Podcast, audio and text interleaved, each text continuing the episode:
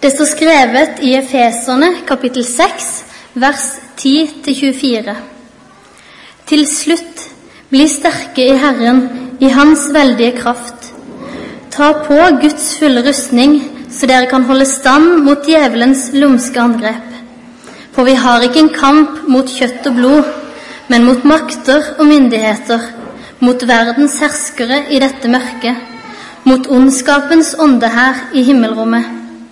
Ta derfor Guds fulle rustning på, så dere kan gjøre motstand på den onde dag og bli stående etter å ha overvunnet alt. Stå da klar med sannheten som belte om livet, og med rettferd som brynje, og ha som sko på føttene den beredskap som fredens evangelium gir. Grip framfor alt troens skjold. Med det kan dere slokke alle den ondes brennende piler. Ta frelsens hjelm og åndens sverd, som er Guds ord. Gjør dette i bønn og legg alt framfor Gud. Be til enhver tid i ånden. Våk og hold ut i bønn for alle de hellige, også for meg. Be om at de rette ord må bli gitt meg når jeg skal tale, så jeg frimodig kan forkynne evangeliets hemmelighet, som jeg er sendebud for også her i fengselet. Be om at jeg ved evangeliet må få frimodighet til å tale slik jeg skal. For at også dere skal få vite hvordan jeg har det, og hvordan det står til med meg, skal Tykikus fortelle dere alt. Han er vår kjære bror og en trofast Herrens tjener. Jeg sender ham til dere nettopp for at dere skal få høre hvordan det er med oss, og for at han skal gi dere nytt mot. Fred være med brødrene, og kjærlighet og tro for Christ, Gud, Faderen og Herren Jesus Kristus. Nåde og uforgjengelig liv være med alle som elsker vår Herre Jesus Kristus. Slik lyder Herrens ord. La oss fortsette å be. Herre, vi takker deg fordi du er Guds lam som ble slakta. Du døde, Jesus, for at vi skulle få liv. Og Det er det enkle evangeliet. Det er det enkle budskapet fra ditt ord som alt peker fram imot. At du skulle dø for at vi skulle få leve evig. Herre, vi takker deg av hele vårt hjerte. Så ber vi Herre om at vi kan få lov til å ta imot noe fra ditt ord i dag som hjelper oss til å bli værende hos deg. Som hjelper oss til å nå det målet som du har satt for våre liv. Det ber vi deg om. Amen. Vi har hørt eh, teksten lest allerede. og um, Som Jon Osvald sa, da, så har vi en gjennomgang av Efeserbrevet. Og noen av dere som er her i dag, har kanskje ikke vært her før. Eller ikke bare kanskje, jeg vet jo at det er noen gjester i dag. Men vi har hatt det sånn denne høsten her at vi starta med Efeserbrevet 1. Og så har vi da brukt eh, sju av ni søndager så langt til å snakke om det brevet. Og nå skal vi ikke lukke det. Det tror jeg ikke vi skal gjøre, men vi skal avslutte det. Og avslutte den eh, eh, undervisninga ut ifra det brevet i dag med det som Paulus gir på slutten av det brevet. Og Der introduserer han på en måte et bilde av noe. Og det er en soldat som har ei rustning. Eh, med ulike deler som han kler på seg. Det skal jeg prøve å si litt om. og Jeg har bladd, jeg har lest, jeg har bedt, jeg har gravd. Og det er utrolig mange måter å beskrive det som Bibelen kaller for Guds fulle rustning på. Det er mange måter å beskrive det på. Og Det er mange som har eh, gjort eh, mange gode ting på det. og Jeg kan ikke gjøre alt av det og si alt om det, men jeg har lyst til å, formidle det som jeg lander ned på. Og Jeg landa i natt en gang, for å si det så det, eh, etter å ha tumla litt. Så jeg har lyst til å formidle det, for jeg bare kjente at ja, her er noe som jeg vil formidle i dag, rundt akkurat den teksten der. Paulus sier vi står i en kamp. Vi er en kamp. Og så sier Paulus noe om hva det er vi ikke kjemper imot. Og Det kan være greit å vite at vi har ikke en kamp imot kjøtt og blod. Det er ikke det det handler om. Jeg vet ikke om dere husker hva Jesus sa til Peter i Getsemane. Når Peter opplevde at han var trua og pressa, så greip han til et sverd og så hogde han av Malkus, som han heter, høyre øyre.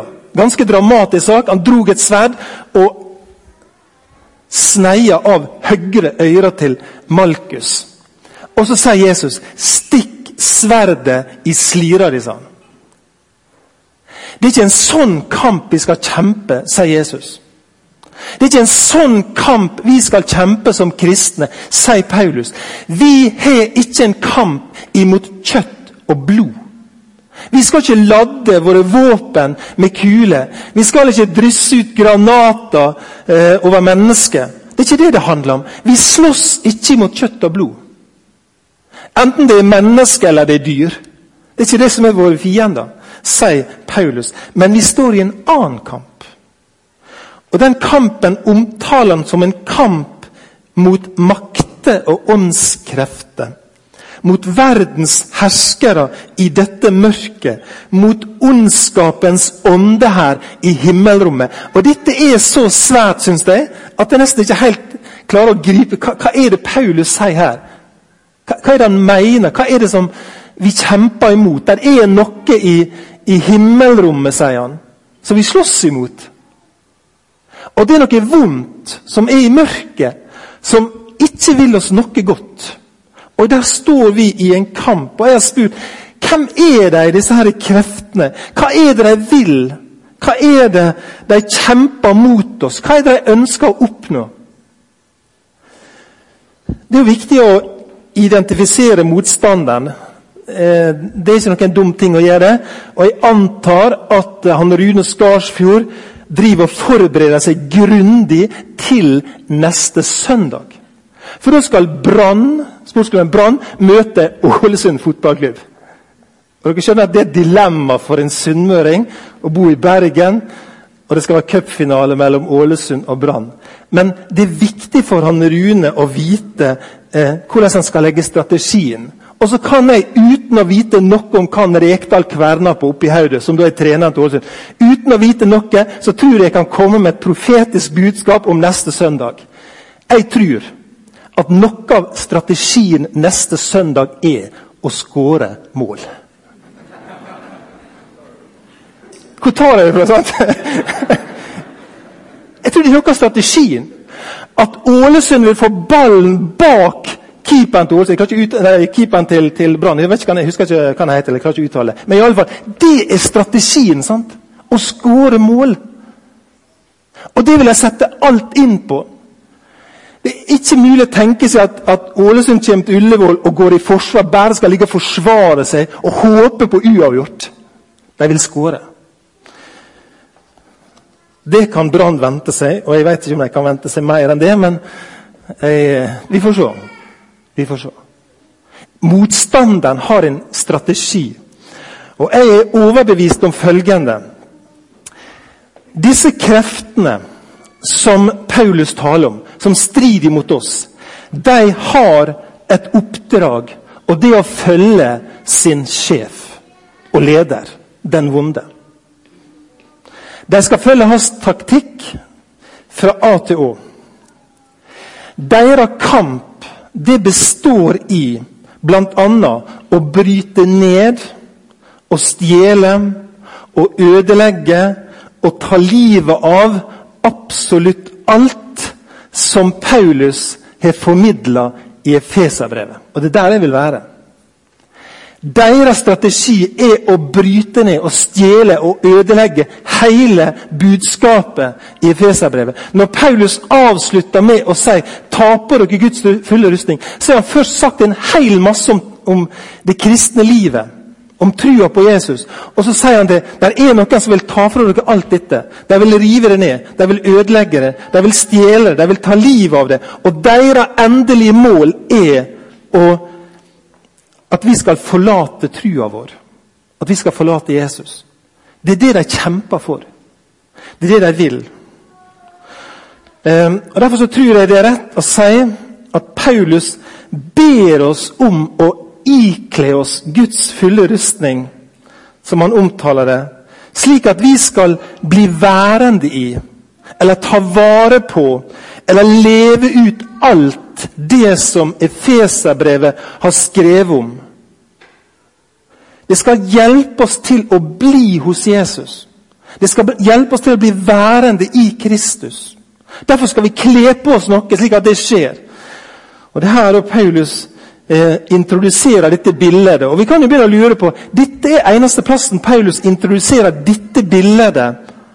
Han snakker om kamp enkelte andre plasser også i brevene sine, men han introduserer et bilde som jeg kan nesten lure på Er det ny teologi her nå? Er det noe nytt Paulus har kommet på som bare efeserne skal få del i? Men som ikke gjaldt romerne eller galaterne eller andre? Og så er ikke det det. Men det er en metafor, det er et bilde som han bruker. Og så gjenkjenner vi måten han tenker på i andre brev også. Djevelens listige angrep, kaller han det. Eh, og Når vi tar på oss en eh, rustning, da, så er det for at vi skal kunne ruste oss imot angrep utenfra. Men det som er spesielt med djevelen sine angrep imot oss, det er at det er ikke bare angrep utenfra. Men djevelen har en alliert på innsida i vårt eget liv. I vår syndige natur, i vårt vonde hjerte. Slik at når han slåss med sine makter og krefter, så har han også noen på innsida som slåss imot oss. Eh, og Derfor så blir Guds rustning ikke bare en rustning for ytre påvirkning, men også ifra det indre. Og så sier han da og Nå har jeg lyst til å gjøre det sånn som jeg har tenkt. Um, og det at Jeg vil bare raskt gå innom noen deler av Efeserbrevet. Og så vil jeg bruke deler av rustninga på litt forskjellige plasser. I forhold til det som står der. I kapittel 1 så ber Paulus om at vi må få åpne hjertet sine åpne øyne, slik at vi ser hva vi er kalt til. Hva vi eier i Kristus. Han ber om at vi må få se hva vi har i Kristus. Han som i Kristus har velsignet oss med all åndelig velsignelse i himmelen. Altså Han ber om at vi skal få se hvor rike vi er. Se at vi eier en rikdom som er større enn noe. Og Det prøver Paulus å male ut. Og djevelen og hans hær ønsker av all sin kraft å røve det fra oss. Og prøver å fortelle oss at det er ikke noe å, å ha. Det er ikke noe viktig. Og så sier eh, Paulus spenn beltet om livet. Og Det bildet vil jeg bruke på i møte med djevelen og hans hær, som vil frarøve oss rikdommen det er å være Guds barn, så skal vi få lov å spenne et belte rundt livet som er sannhet. Og Jesus sier at han er sannheten. Han er veien, sannheten og livet. Og mitt enkle sagt, tilknytning til det beltet i dag blir at det å stå oss imot angrepene i forhold til det å frarøve oss den åndelige rikdommen som vi har, det blir å på en måte spenne Jesus rundt livet. Eller som jeg tenkte på i dag, at vi lar Jesus med alt han er, bare omfavne oss og være vårt belte. Så holder alt sammen. Så holder alltid, sier si han. Det å ikle oss dette sannhetens belte som er Jesus. Og I kapittel 2 så understreker Paulus å male ut at vi har gått ifra død til liv. Men Gud er rik på barmhjertighet, sier han. Fordi han elsket oss med så stor en kjærlighet, gjorde han oss levende med Kristus. Vi som var døde pga. våre misgjerninger, av nåde er dere frelst. Paulus bruker deler kapittel 2 til å si noe om at vi har gått ifra død til liv, og vi har fått det pga. nåde. Og så sier han djevelen vil angripe deg. Han vil angripe deg, og derfor skal du kle deg i rettferdighetens brynje. Altså, Jeg har ingenting å stille opp med i forhold til rettferdighet i mitt eget liv. Jeg har ingenting som gjør meg sjøl rettferdig. Jeg kan innbille meg av og til at det er ikke så verst, og jeg kan innbille meg at i forhold til andre så er det heller ikke så verst. Men djevelen vil angripe meg, så vil han plukke fra meg det som jeg bygger på. Enten at jeg syns at jeg har noe å, å, å, vise til, så vil han nok prøve å fortelle meg at det ikke er godt nok. Eh, og hvis eh, jeg stoler på det Jesus har gjort for meg, så vil han plukke fra meg det også. Han vil angripe meg og ta ifra meg det at jeg skal kunne få stå rettferdig for Gud. Og Da sier Paulus det. Ta på dere brynja som beskytter brystpartiet deres. Det som er brystplate. Ta på dere noe som beskytter dere mot djevelens angrep i det at han vil frarøve deg det at du skal få lov å stå for Gud rettferdig på grunn av det Jesus har gjort. For når vi angrer våre synder, når vi bekjenner våre synder, når vi ber om tilgivelse og nåde, da får vi del i en rettferdighet som Jesus har brakt oss, og som Jesus har gitt oss. Og Det er en som har sagt at rettferdighetens drakt som han tilbyr sine barn, er vevet på himmelens vevstol, og den inneholder ikke en eneste tråd av våre egne prestasjoner eller av menneskelig opprinnelse. Altså, Gud har gitt oss en rettferdighet ved trua på Han, av sin nåde, og den skal beskytte oss når djevelen vil angripe oss utenfra. Og ikke bare det. Det å vite at vi har en rettferdighet som Gud har gitt oss, det skal også beskytte oss ifra angrep innenfra. Det står i 1. Johannes 3 for om enn vårt hjerte fordømmer oss, så er Gud større enn vårt hjerte og kjenner alle ting. Når vi blir angrepen fra innsida fordi vi ikke lever som vi alltid skulle gjøre, så kan vi bli fordømt av oss sjøl og vårt eget hjerte. Så er det ei brynje, så er det ei brystplate vi skal få lov å dekke oss med, som handler om at det er gjort av nåde. Det Efeserbrevet 2 taler om, det at vi har fått del i noe av Guds nåde. Av Guds nåde.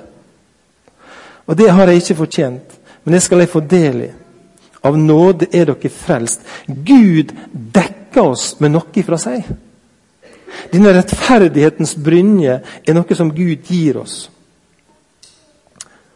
I kapittel 3 så formidler Paulus det med begeistring bl.a. det at det er en stor hemmelighet som er blitt åpenbart. Mysteriet ved at Ånden har åpenbart for hans eh, hellige apostler og profeter at hedningene, altså de som var utafor Israels sine grenser, utafor Israels sitt folk, at de hadde del i samme arv, samme kropp og samme løfte i Kristus Jesus.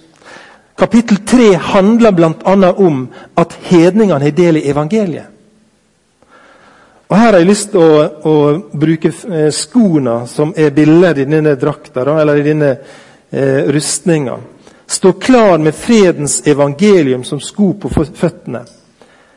Jeg tror at i møte med kapittel 3 så kan vi si, jeg har fått driste oss til å si, at her er det på en særlig måte tid for å ta på seg skoene. Og Gode sko er viktig, og særlig viktig når vi skal gå. Og når vi skal gå langt, så er det viktig å ha gode sko. Og poenget er at vi skal gå. Kanskje er det et av de viktigste områdene for djevelen sin hær å angripe beina våre. Ja, Noen syns kanskje det høres rart ut, men hvis den angriper beina våre, så kan vi ikke gå. Og Noe av hensikten med eh, kapittel 3 er å fortelle at det er noen som har fått del i evangeliet, men for at de skal få del i det, så må noen gå og fortelle dem det. Noen må gå og fortelle dem evangeliet. Og Det var det siste Jesus sa, at vi skulle gå ut i all verden og forkynne evangeliet. Og Nå blir vi bedt om å ta på oss fredens evangelium som sko, og så gå ut. I Romerbrevet 10 så står det et lite avsnitt som jeg måtte tenke på. Hver den som påkaller Herrens navn, skal bli frelst. Fra vers 13 og videre vers 14. Men hvordan kan de påkalle en de ikke tror på? Hvordan kan de tro på en de ikke har hørt om?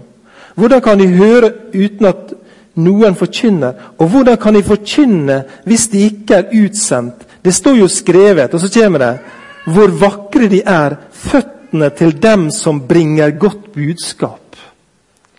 Vi skal gå. Og vi trenger sko på føttene for å bringe det gode budskapet. Og Romerbrevet fortsetter, men ikke alle var lydige mot evangeliet. Jesaja sier, 'Herre, hvem trodde vårt budskap?' Så kommer da troen av det budskapet en hører, og budskapet kommer av Kristi ord. Jeg tror at djevelens hær, ondskapens ånde her, vil angripe oss for å få oss til å bli stående og ikke gå.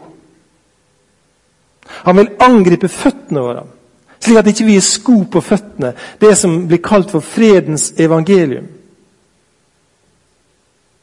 Hvorfor er det så vanskelig å gå ut? Hvorfor er det så vanskelig å dele evangeliet?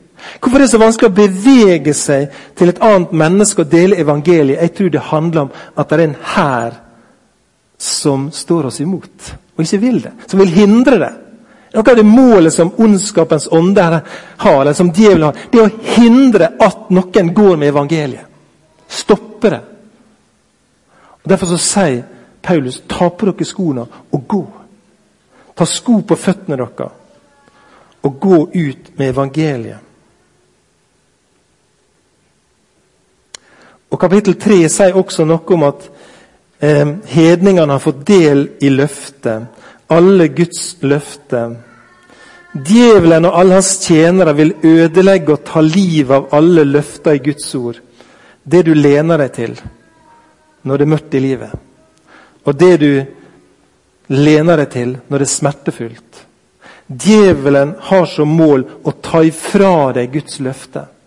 Og ikke kunne stole på deg, ikke lene deg til deg. Og så sier da eh, Paulus hold alltid troens skjold høyt.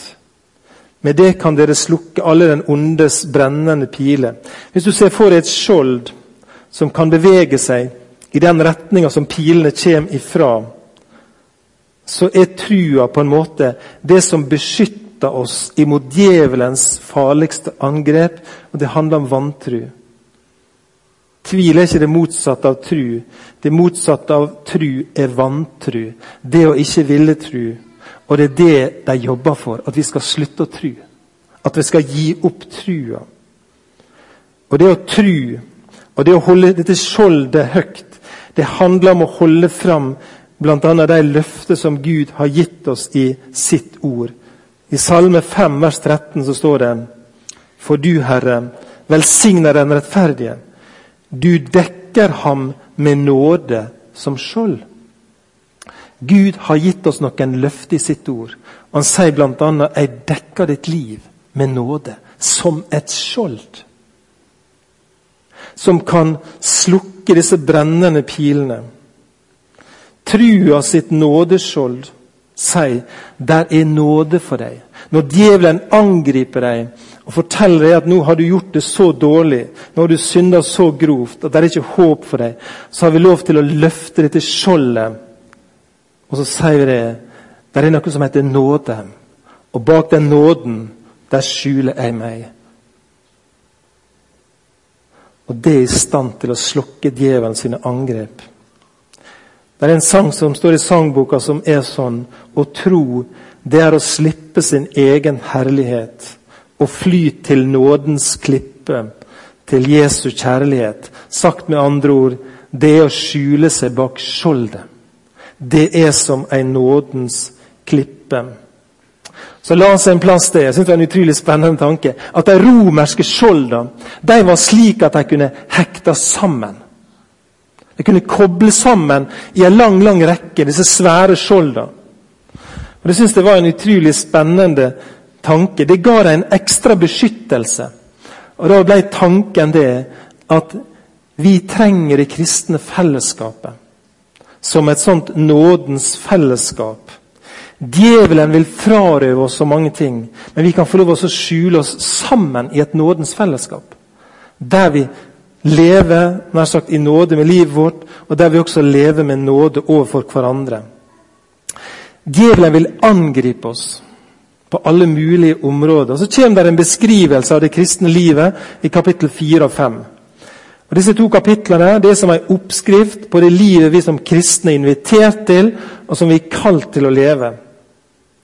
Lev da ikke som før, men legg av det gamle mennesket, som blir ødelagt av de forførende lystne. Bli nye i sjel og sinn. Kle dere i det nye mennesket som er skapt i Guds bilde, til et liv i sann rettferd og hellighet. Paulus sier noe om at vi skal legge av noe, og vi skal ikle oss noe nytt. Djevelen derimot, han vil ha rom i våre liv. Han vil at vi skal leve som om vi ikke trodde. Han vil at vi skal leve som vi levde før vi kom til tro på Jesus. Han vil ha rom i livet vårt. Og Det får han når kristne fortsetter å leve slik som de levde før Jesus kom inn i livet. Når de fortsetter å stjele, som han skriver om, konkret i Feserbrev 4-5. Når de fortsetter å lyge, når de fortsetter å la sola gå ned over sin vrede.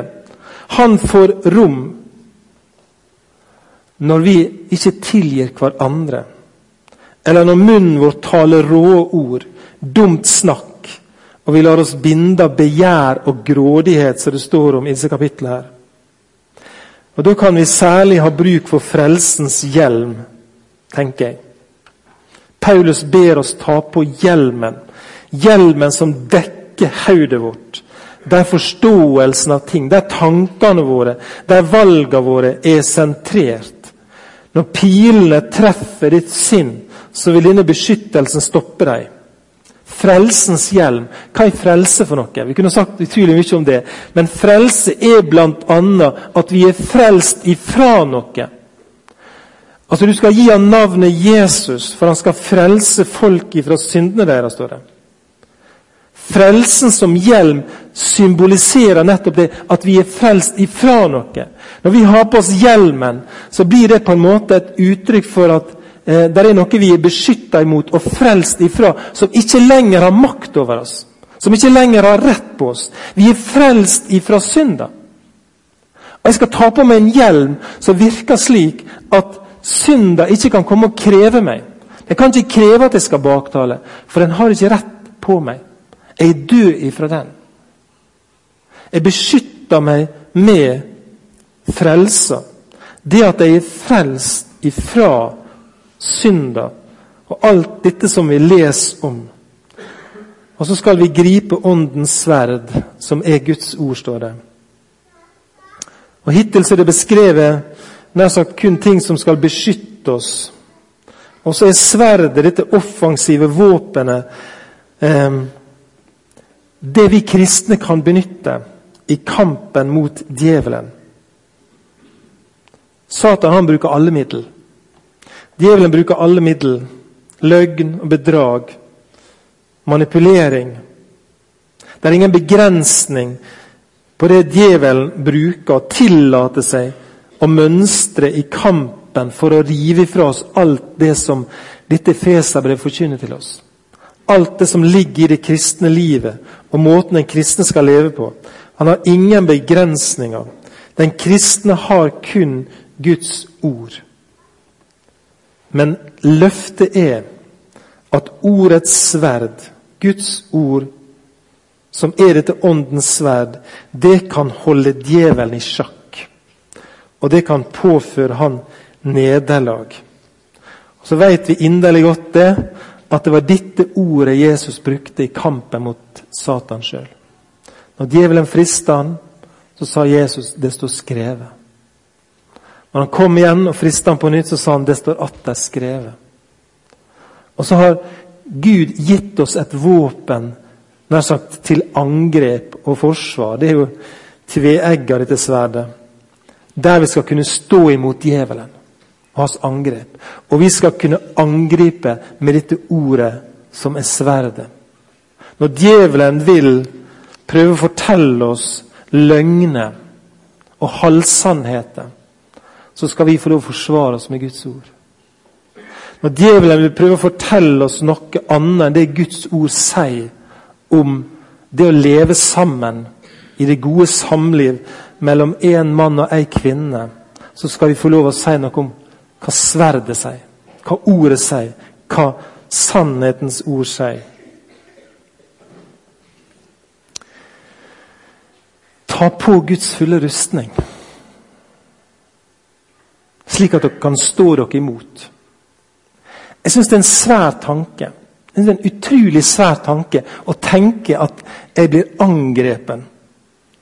Eh, jeg husker da jeg var borte i USA for to år siden, så møtte jeg for første gang på litteratur der det sto noe om at djevelen har planer for dine barn. Har du, sto det. Jeg syns det var nesten ubehagelig. Fordi djevelen ønsker ikke bare å ta oss voksne og la barn og ungdom være i fred, men han ønsker å angripe alle. Han ønsker å angripe alle, frarøve dem livet. Og Vi står i en sånn kamp, og så avslutter Paulus med at vi skal gjøre dette i bønn. Jeg skulle ønske jeg var bedre på å be.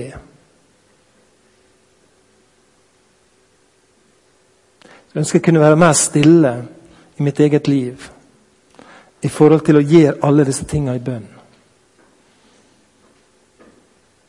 Det å ta på meg sannhetens belte, dette skjoldet, disse skoene, denne hjelmen og dette sverdet i stillhet for Han, slik at jeg blir stående og berger livet. Og ikke bare berger mitt eget, men er i stand til å gå ut til andre mennesker også. Det er det djevelen vil stoppe. Han vil røve ifra oss hele dette verdifulle innholdet i brevet. Og I den kampen står du og jeg, og vi trenger hverandre. Her har jeg lyst til å be om at vi kan få lov å bli stående i denne kampen med, med den rustninga som du har gitt oss. Ikke noe som vi har mekka sammen sjøl men bli stående i det du har gitt oss. Beskytta, Herre, av rettferdighetens brynje. Det som kan eh, dekke oss og gjøre at vi blir stående i møte med alle angrep, både utafra og innafra. Herre, jeg ber om at vi kan få lov til å knytte på oss disse skoene og rusle ut til mennesket med fredens evangelium. Forkynne ditt ord, Herre. Forkynne den glede som du har å gi. Det håp som du har å gi. Den framtid som du har å gi.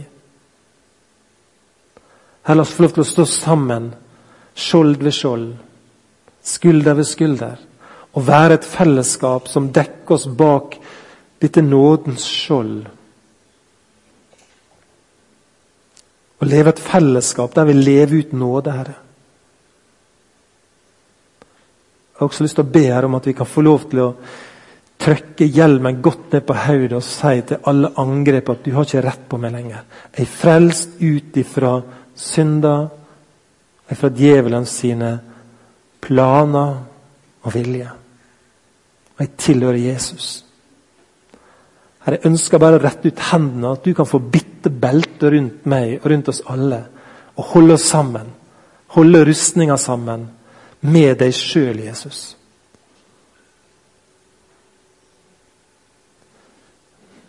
Det ber jeg deg om. Til ære for ditt navn og til framgang for ditt rike. Amen.